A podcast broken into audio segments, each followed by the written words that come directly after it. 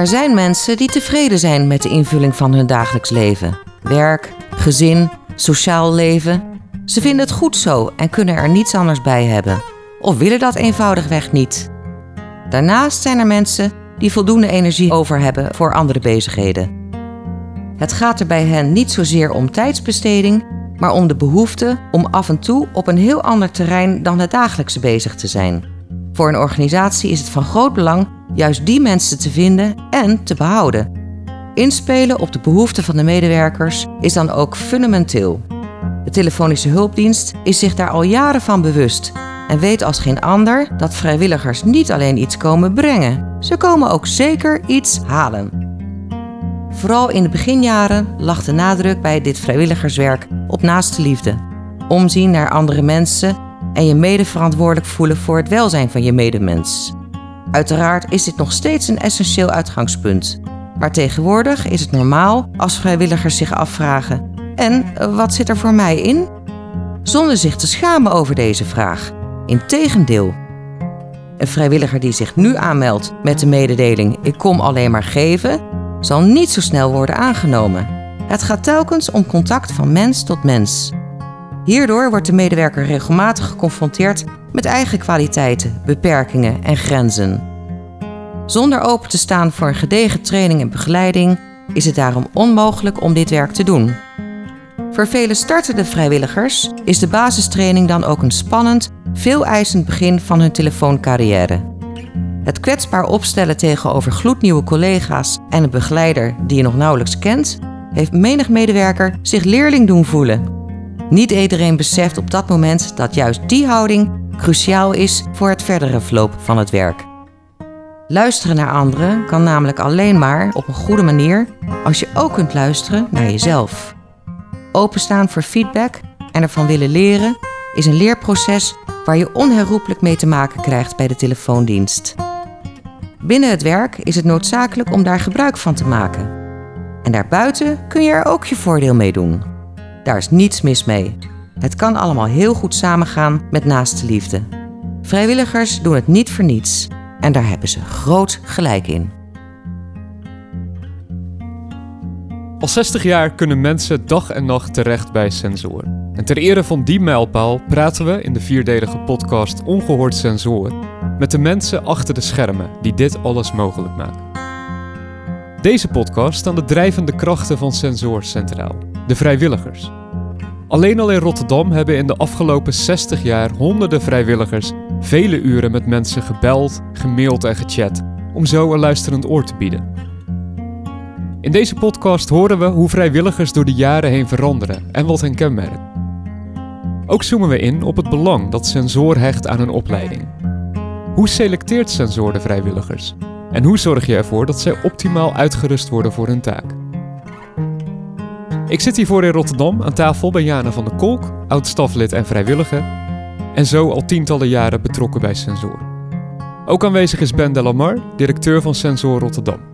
Mijn naam is Inge Jansen, ik ben zelfstandig journalist en voormalig vrijwilliger. Welkom bij Ongehoord Sensor, 60 jaar een luisterend oor.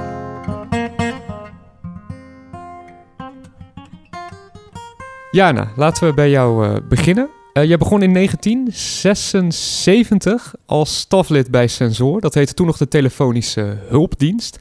Wat staat je nog bij uit die tijd? Er staat me bij uit die tijd dat het toch, net zoals nu, een warm nest is. Alleen vond ik vrijwilligers waren toen veel meer gekoppeld aan een, aan een, hoe heet zoiets? Nou, aan religie of zo. Bijvoorbeeld katholieken of humanisten of anderszins. Hadden veel meer een achtergrond van waaruit ze dingen deden. Ja, verder was het toch ook wel weer gewoon een stafje. Wat met die oeverloze hoeveelheid vrijwilligers 80 of zo waren het in die tijd, die alles deden om die vrijwilligers uh, in de watten te leggen. En enigszins ook wel een beetje ja, iets, iets te hebben van een lijn van hoe je met, met, met mensen om moet gaan, hè, met bellers om moet gaan. Wat was jouw rol daarin? We lazen alle verslagen en wij gaven daar ook feedback op en we vroegen daarnaar hoe dat was. En vrijwilligers werden thuis bezocht door een staflid na de basistraining, hè, nadat ze eenmaal aan het werk waren. Dus dan werden ze thuis werd er contact gehouden en er waren eh, open avonden waarop uh, prettig gepraat werd met elkaar en over thema's.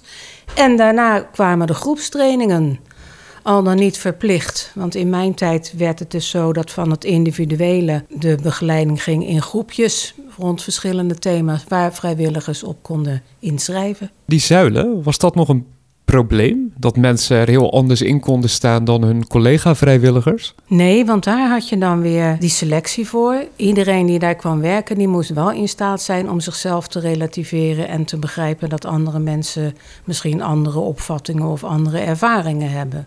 Toen ik daar werkte, toen begonnen we last te krijgen van de veelbellers. Dat zijn mensen die bij wijze van spreken dagelijks bellen voor een praatje, voor hetzelfde, of praten over dezelfde onderwerpen en die belastend kunnen zijn. Vonden. En we vonden ook dat het niet goed voor ze was om ons zoveel te bellen. We vonden dat ze geholpen moesten worden naar meer zelfstandigheid en een eigen leven in plaats van chronisch aan die telefoon te hangen.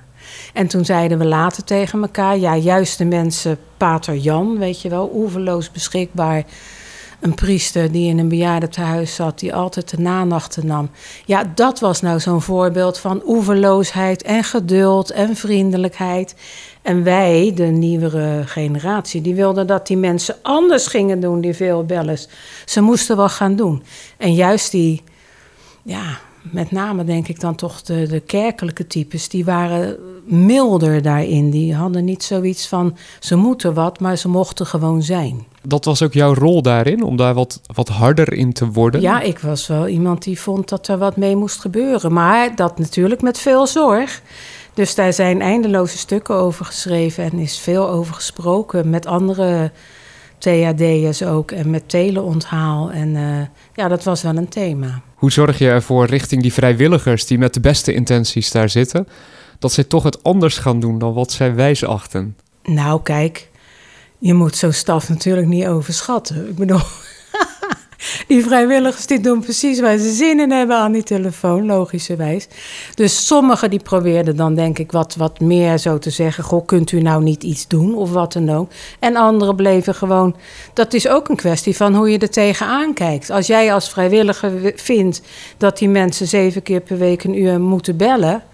moeten kunnen bellen, ja, dan ga jij natuurlijk niet moeilijk doen tegen die mensen dat is de vrijheid die je hebt als vrijwilliger. Kun je iets vertellen over hoe jij dat aanpakte? Jij zag die mensen binnenkomen. Had je dan nog gelijk door, deze is geschikt, deze niet? Nee, want ze kwamen eigenlijk altijd en dan werden ze gewoon te woord, ja, zoals nu ook, gewoon te woord gestaan. En dan heb je misschien na drie vragen wel door van, uh, ja, misschien is dit toch niks voor jou. Ja, en waar gaat dat dan om? Nou, wat ik zeg, of iemand een beetje naar zichzelf kan kijken en of die iemand ook een beetje kan denken dat niet iedereen hetzelfde is. En ik weet nog één keer heel goed. Toen was er een man, die vond ik nogal eigenwijs. En ik dacht, dat is helemaal niks voor hier. Dus ik zei in het gesprek al, ik denk niet dat dit voor jou de goede plek is. Toen zei hij, oh nou ja, oké, ook goed. En dat vond ik zo fantastisch dat ik zei, oh sorry, ik heb me vergist. Want dat vond ik geweldig dat iemand daar niet zo'n... dat hij dat gewoon kon horen. En, en nou, ik denk, nou, dat is dan toch wel een... Uh, ja, een openheid en een incasseringsvermogen. Dat ik dacht, geweldig. Dat is een leuke vrijwilliger geworden. Jij bent ook heel erg betrokken geweest bij de trainingen die er gegeven werden aan uh, mensen. Wat vond jij belangrijk om te trainen bij mensen? Dat ze kunnen relativeren. En dat ze naar zichzelf kunnen kijken. En dat het een beetje gezellig was ook nog wel. Hoe train je zoiets? Nou ja, die groepen die hadden allemaal een thema of een onderwerp. Dus dan nodig je mensen uit om iets te vertellen hoe ze er tegenaan kijken en wat ze ervan in hun eigen praktijk meemaakten. En ja, daar krijg je dan toch automatisch een gesprek over, want de sensormedewerkers zijn gewoon in principe erg leuke mensen. En er heerst door die staf, denk ik ook altijd, een openheid en een, ja, een vrijheid om, om hardop dingen te zeggen. En dan denk ik dat de rol van een staflid is om eventueel door te vragen of te zeggen: kan je wat meer vertellen? Of joh, jij zegt daar zo weinig over. Nou ja, gewoon groepswerk hè, heet dat.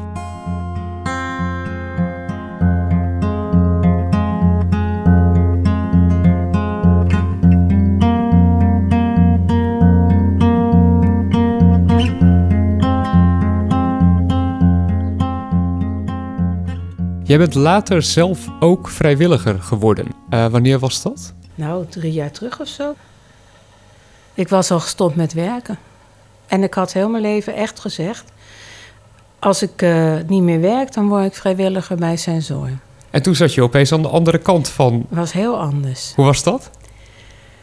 Nou, uh, veel kwetsbaarder, moet ik zeggen. Die training vond ik echt moeilijk. Dat vond ik heel moeilijk om mezelf daar in dat groepje mensen kwetsbaar op te stellen. Terwijl jij zelf, toen je daar werkte... Ja, wist ik alles. Ik bedoel, kom op. ik was staf. Hè? Maar jij, hebt ook, jij hebt ook mede de, die trainingen mede ontwikkeld. Ja, zeker. En toen, vele jaren daarna, ging jij zelf die training volgen. En toen bleek het opeens complex vond ik te dat zijn. Veel, nou, complex. Ik vond het gewoon heel eng. Ben je er doorheen gekomen door de ja, selectie? Ja, en ik heb ook twee jaar daar gewerkt. En toen zei ik, nou, dit is toch niet mijn cup of tea. Waarom niet? Nou, die veelbellers, hè.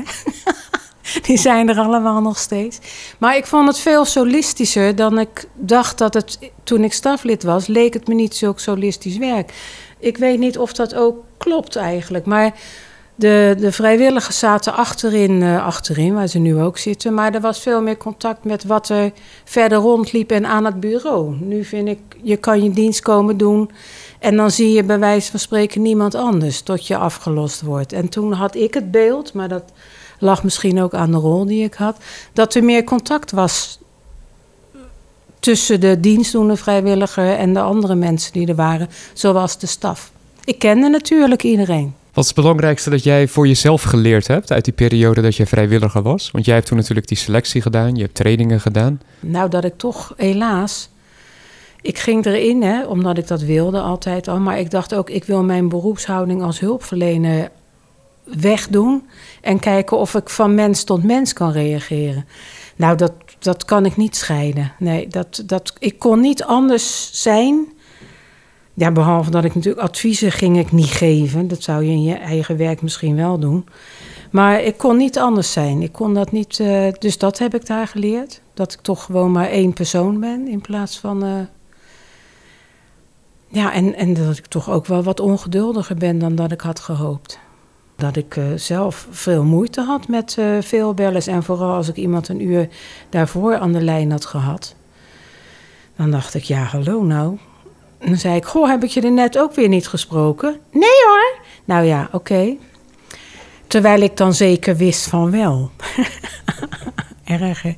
Maar ik heb ook een paar werkelijk Oh, dat was ook nog zo erg. Toen ik vrijwilliger was, voerde ik dan ook een paar dramatische gesprekken waar ik zelf helemaal upset van was, ondanks mijn zogenaamde professionaliteit. En die bleken dan al helemaal bekend te zijn, joh. En ik had het gevoel dat ik hier met een unieke dramasituatie zat van iemand die onder mijn handen dood aan het gaan was. nou, dan hoorde ik, dat is een bekende bellen. Ja, dat zijn dan even van die... Oh, weet je wel, dat maak je weer wat bescheiden.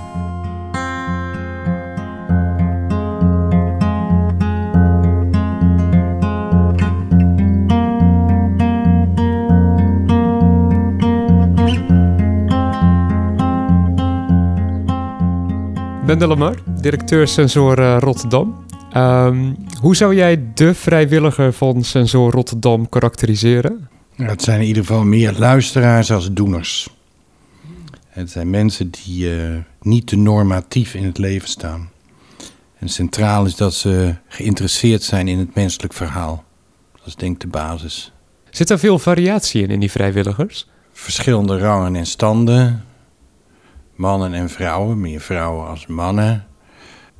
Jongeren tussen de 25, 35 blijven minder lang. hoop mensen boven 55. Maar allemaal met die karaktereigenschap geïnteresseerd in het menselijk verhaal. Ik kan me herinneren toen ik vrijwilliger was, uh, dat die selectieprocedure, dat ik die echt heel intens vond. Uh, die duurt lang, volgens mij. Het zijn iets van tien avonden of zo waar je bij aanwezig bent. Uh, er zijn heel veel gesprekken. Uh, wat jij ook al aangaf, ja, nou, je wordt ook geconfronteerd met jezelf. Je moet je kwetsbaar opstellen naar mensen die je niet kent, et cetera. Um, je zou kunnen zeggen, dat is wel heel veel gevraagd van mensen. Kunnen we het niet allemaal wat makkelijker maken? Waarom kiezen jullie hier zo voor, Ben? Om dit zo, zo hard te maken? Wij hebben een verantwoordelijkheid uh, naar de bellers toe. Dus we willen een goed gevoel hebben op het moment als we vrijwilligers beschikbaar stellen voor dat gesprek. Uh, als je zegt het duurt lang, dan wil ik erop wijzen dat in België het drie keer zo lang duurt. En in Duitsland, waar over, ook overal telefonische hulpdiensten zijn, duurt het zelfs vier keer zo lang. Het gaat erom dat mensen leren reflecteren op hun eigen handelen. En dat is als het ware als een loop in die organisatie. Als een rode draad zit dat in die organisatie. Dat begint al bij de basisopleiding en daarna blijft dat doorgaan. Dat mensen dus lerend aan die telefoon blijven. En niet uh, op een gegeven moment denken, nou ik weet het wel wat kan verwachten. En het zit zus en zus en zo. Zo is het niet. Dus je moet er altijd bij blijven. En je leert dus ook, zeg maar, van je eigen beperkingen als mens aan die telefoon. Ik kan me ook herinneren dat ik toen ik door die selectie heen was en ik was vrijwilliger, dat je dan heel veel opleidingen aangeboden krijgt, dat je cursussen kunt volgen, et cetera. Waarom zetten jullie daar zo hard op in? Dat is dat je die reflectie gaande houdt binnen de organisatie. En daar zijn die groepen is een middel daarvoor. Maar ook dat mensen commentaar krijgen op hun rapportages of jaarlijks gesprek. Of altijd om vrijwilligers niet alleen maar te, te binden en te boeien. Hè, dat ze er voor zichzelf wat van meenemen. Maar ook dat je het werk aan die telefoon zo zorgvuldig mogelijk bewaakt. Kwaliteitswaarborgen inbouwen. Wat is jullie ervaring dat vrijwilligers moeilijk vinden in cursussen? Op het moment dat je denkt, ik heb geen enkele invloed. Dus bij, juist bij mensen die uh, met psychische storingen kampen. Dat je dus hooguit iets kan bijdragen aan de stabilisatie op dat moment. Maar dat je geen echt nieuw perspectief kan aanreiken. Dat, is heel, dat vraagt heel veel van vrijwilligers. En juist die mensen die regelmatig bellen, die overal afvallen die komen dan bij sensoren. Het is niet voor niks, lage drempel, dus daar kan men terecht. Maar dat is enorm zwaar. Dat kan je alleen als organisatie dragen, omdat je tegenwoordig hebben we 120 vrijwilligers, dus het is nog groter geworden. Dat je dat met elkaar draagt. Maar dat is echt een belasting voor vrijwilligers. Is het herkenbaar, Jane? Ja, maar ik vind ook wel dat bijvoorbeeld als je zegt van wat zijn nou thema's waarop getraind moet worden, of wat, wat dat is bijvoorbeeld seks of seksualiteit, vind ik ook dat daar altijd wel extra aandacht voor moet zijn. Zeker in de basisopleiding van wat je daarin tegenkomt. Dat komt denk ik nog een beetje van mijn tijd. Van, uh, toen waren er veel seksbellers, of er waren geregeld seksbellers. Is iemand die uh, belt en die graag uh, klaar wil komen. En daar de vrijwilliger, ja, ik zeg dan voor gebruikt. Maar je kan ook zeggen dat hij graag in contact met een ander mens klaar wil komen. Dus wat vriendelijker geformuleerd. Maar uh, wel aardig van mij. En uh, ja, dan moet je wel voor jezelf weten hoe je daarin staat. Of wat je daar wel of niet mee wil of zo. En ook niet gelijk te horen erop gooien als iemand over seksualiteit wil praten bijvoorbeeld. Omdat je dan denkt, oh dat wordt natuurlijk weer... Maar dat is denk ik meer van mijn uh, tijd, hè. Want het zal nu denk ik anders zijn. Het laatste wat je zegt, dat is helemaal waar. Zo, hè? Je hebt dan van die telefoonmasterbanden en die naarmate je langer werkt bij sensoren herken je dat heel snel. Maar er zijn ook mensen die over seksuele moeilijkheid voor hunzelf willen praten. En dan niet het wantrouwen gelijk laten opkomen. Oh, dat zal wel weer een masterband zijn. Dat is natuurlijk wel een ding. En dat is, ben ik helemaal met Jana eens. Daar moet je alert op zijn. Maar ik weet nog wel dat er in de 70 jaren over werd gedacht. Ja, moet je daar ook niet voor zijn om mensen die gelegenheid te geven. Hè? En dan werden verhalen bij verteld. Mensen die gehandicapt. Ja, inderdaad. Dat is al lang geen discussie meer. De beleidslijn is gewoon, daar gaan we niet op in. Op dat soort verzoeken.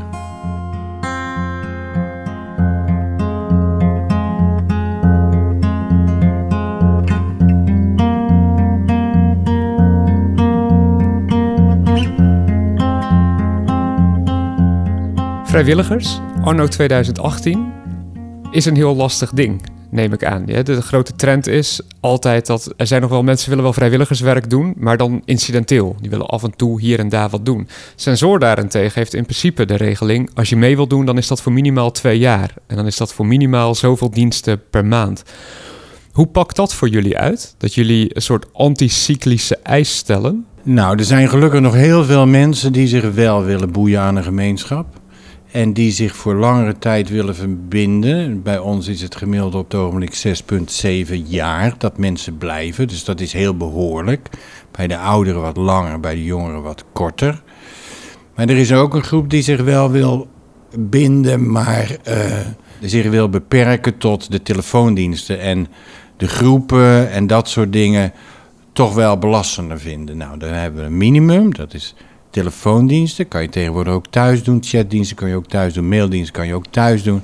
Je komt acht keer per jaar bij elkaar voor de groepen. En dat kan ook. Maar er is ook een hele groep die dus wat anders willen. Dus in die zin bedienen we die twee groepen. Al kan je al zeggen, zijn er twee groepen. Het is meer zo trends. Hè. De ene kant zit meer aan die kant, de andere kant meer aan die kant. Uh, dus we bedienen beide, beide behoeften, zou je kunnen zeggen. Omdat wij baat hebben bij een club met kwalitatief goede vrijwilligers die een behoorlijke omvang hebben, omdat wij uh, ook bereikbaarheid willen aanbieden aan uh, bellers. Merk je dat het steeds lastiger wordt om vrijwilligers te vinden? Er zijn heel veel organisaties die in dezelfde vijver vissen. Uh, tegelijkertijd moet ik toch zeggen dat er toch nog steeds een hele grote betrokkenheid in, in de samenleving is om iets voor een ander te willen doen. En bij ons is het heel sterk dat je die burger. Je kan gewoon heel veel leren bij Sensor als vrijwilliger. Dus dat is ook wel wat uh, extra trekt. Ja. Maar het blijft een constante inspanning. Ter afsluiting, stel we zitten hier over 60 jaar om te gaan vieren dat Sensor Rotterdam, welke naam dat dan ook mogen hebben, 120 jaar bestaat. Hoera! Bestaat vrijwilligerswerk dan eigenlijk nog wel? En zo ja, in wat voor vorm? Jana? Nou, het moet bijna van wel. Ik bedoel, ik kan me niet voorstellen, niet. Dus het zal zijn. Maar ja, het zal anders zijn. En hoe dat dan anders is, weet ik niet. Misschien is het wel. Ja, het zal er toch echt wel zijn. Anders. Maar het zal er zijn. Ben? Ik weet niet of we het vrijwilligerswerk zullen noemen. Ik vind dat ook echt een term die in de tachtige jaren is opgekomen, 70 jaren misschien. In mijn, uh, toen ik thuis woonde, deden mijn ouders ook vrijwilligerswerk in de gemeenschap, in het dorp. Alleen het woord vrijwilliger, dat was geen woord, dat werd niet zo genoemd. Ze waren actief in de speeltuin, in de Koninginnedagvereniging, weet ik wat allemaal. Die term vrijwilligerswerk is later gekomen, ook in beleidstukken enzovoort. Dus mensen zullen altijd wat in hun vrije tijd voor een medemens willen doen, dat geloof ik zeker. Dus jullie zijn er nog gewoon over 60 jaar? Medemenselijkheid uh, zal altijd uh, zijn vormen zoeken. Ja. In deze podcast sprak ik met Jana van der Kolk, oud-staflid en vrijwilliger, en Ben Delamar, directeur Sensor Rotterdam. Ditmaal stond de cruciale rol van vrijwilligers centraal, inclusief het belang van hun permanente opleiding. Bedankt voor het luisteren naar Ongehoord Sensor, de podcast ter ere van de 60ste verjaardag van Sensor. Op www.luistergoud.nl kun je deze en andere podcasts terugluisteren en meer informatie vinden. Tot horens!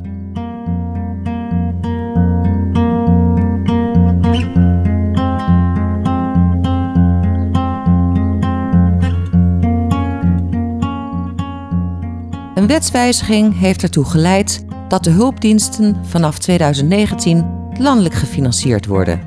Daarmee komt er ook een einde aan de traditie van 60 jaar telefonische hulpdienst Sensor in Rotterdam en omstreken. De dienstverlening wordt landelijk voortgezet onder de naam Luisterlijn. De regionale afdeling voor vorming en training blijft zijn diensten in Rotterdam en omstreken aanbieden. Vanaf nu ook aan andere initiatieven op het gebied van informele zorg. Deze communicatietrainingen voor vrijwilligers worden tot 2025 vergaans gesubsidieerd en zijn in sommige gevallen zelfs helemaal gratis. Meer informatie vindt u op de site luistergoud.nl. Gesubsidieerde communicatietrainingen voor vrijwilligers.